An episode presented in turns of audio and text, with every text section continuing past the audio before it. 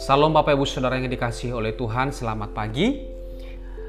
Pada pagi hari ini mari kita persiapkan hati kita untuk merenungkan firman Tuhan. Dan sebelum kita mendengarkan firman Tuhan, mari kita berdoa. Bapak yang baik kami bersyukur buat anugerahmu di dalam hidup kami. Kami bersyukur buat pemeliharaan Tuhan yang begitu sempurna. Pada pagi hari ini Tuhan kami boleh bangun dengan kekuatan kesehatan yang baru, kami bersyukur dan pada pagi hari ini Tuhan sebelum kami melakukan segala aktivitas kami.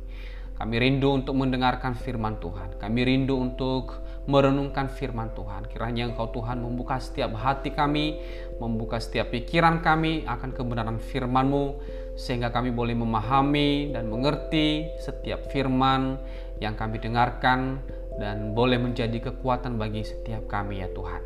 Kami siap mendengarkan firman-Mu di dalam nama Tuhan Yesus. Kami berdoa dan bersyukur. Haleluya. Amin. Bapak Ibu yang disa, eh, Bapak Ibu Saudara yang dikasih oleh Tuhan, pada pagi hari ini kita akan belajar eh, bersama-sama dalam kebenaran firman Tuhan.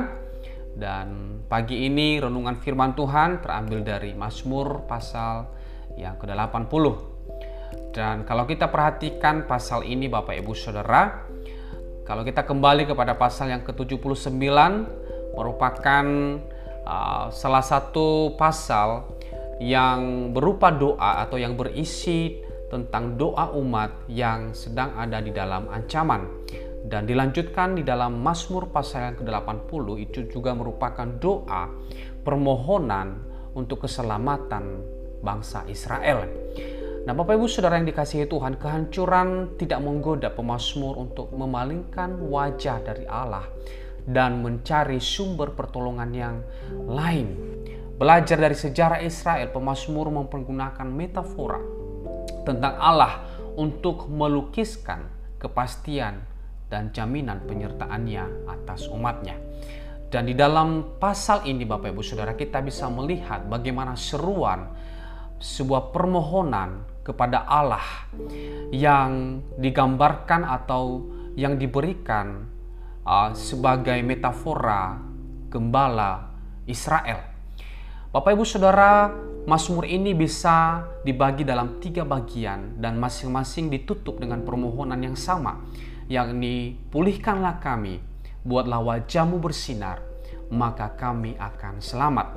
Bapak Ibu Saudara kita bisa melihat bahwa di bagian ini ada permohonan yang uh, dinaikkan kepada Allah karena Allah adalah gembala sekaligus raja yang bertata atas kerubim.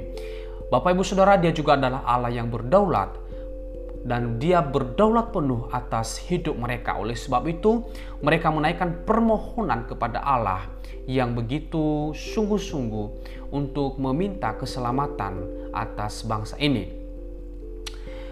Bapak Ibu Saudara, selain penggunaan metafora gembala Israel bagi Allah dan pohon anggur bagi Israel, Mazmur ini juga secara konsisten dan bertingkat menyerukan permohonannya kepada Allah. Di dalam ayat yang keempat, ke-8, 15 dan 20 dan juga di dalam ayat yang keempat di sana dikatakan ya Allah pulihkanlah kami. Ya. Tuhan Allah semesta alam ya.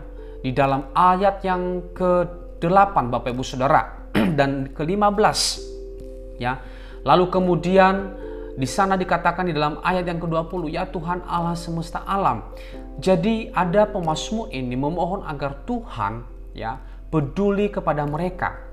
Yang menyerukan dan berani bukan hanya karena Tuhan adalah gembala mereka, tetapi karena Tuhan adalah raja yang bertata oleh sebab itu Bapak Ibu Saudara kalau kita melihat permohonan-permohonan ini merupakan sebuah seruan yang dinaikkan kepada Allah atas uh, bangsa Israel untuk meminta perlindungan dari setiap musuh-musuh mereka Bapak Ibu Saudara.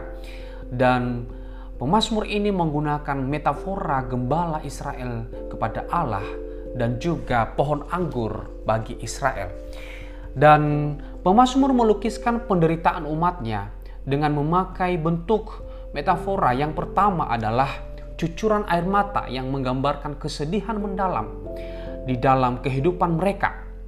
Ya, kalau kita melihat di dalam ayat yang keenam Bapak Ibu Saudara, engkau memberi mereka makan roti cucuran air mata Engkau memberi mereka minum air mata berlimpah-limpah.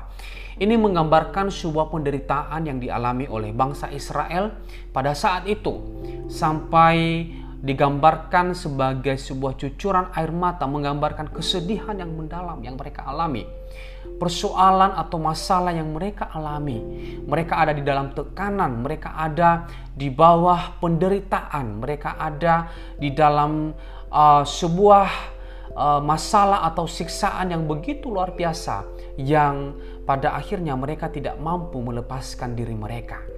Dan ini adalah akibat dari uh, ketidaktaatan atau ketidaksetiaan kepada Allah. Kalau kita melihat kembali kepada kehidupan bangsa Israel, mereka adalah bangsa yang besar, bangsa yang sudah melihat banyak pertolongan Tuhan. Tetapi di dalam waktu atau di dalam perjalanan mereka mengikut Tuhan, ada banyak sekali mereka melanggar perintah, perintah Tuhan. Ada banyak sekali uh, ketidaksetiaan yang mereka lakukan kepada Tuhan. Oleh sebab itu, ada banyak juga hukuman yang mereka dapatkan, yang mereka terima. Allah mengirim bangsa-bangsa yang lain. Allah mengizinkan bangsa-bangsa yang lain untuk menghancurkan mereka, untuk memusnahkan atau untuk menyiksa mereka sampai mereka kembali berseru kepada Tuhan. Dan dalam Mazmur ini menggambarkan bagaimana seruan mereka kepada Allah, doa mereka kepada Allah. Ya. Ini menunjukkan kepada suku-suku di kerajaan utara yang harus mengalami penghancuran oleh Asyur. Dan sementara di dalam Ayat yang ketujuh adalah suku Yehuda yang sedang dikepung oleh pasukan Asyur. Ya. Lalu kemudian metafora yang kedua yang digunakan adalah pohon anggur. Ya. Israel dilambangkan sebagai pohon anggur yang Tuhan tanam di tanah perjanjian. Kalau kita lihat di dalam ayat yang 9 dan sampai kepada ayat yang ke-20.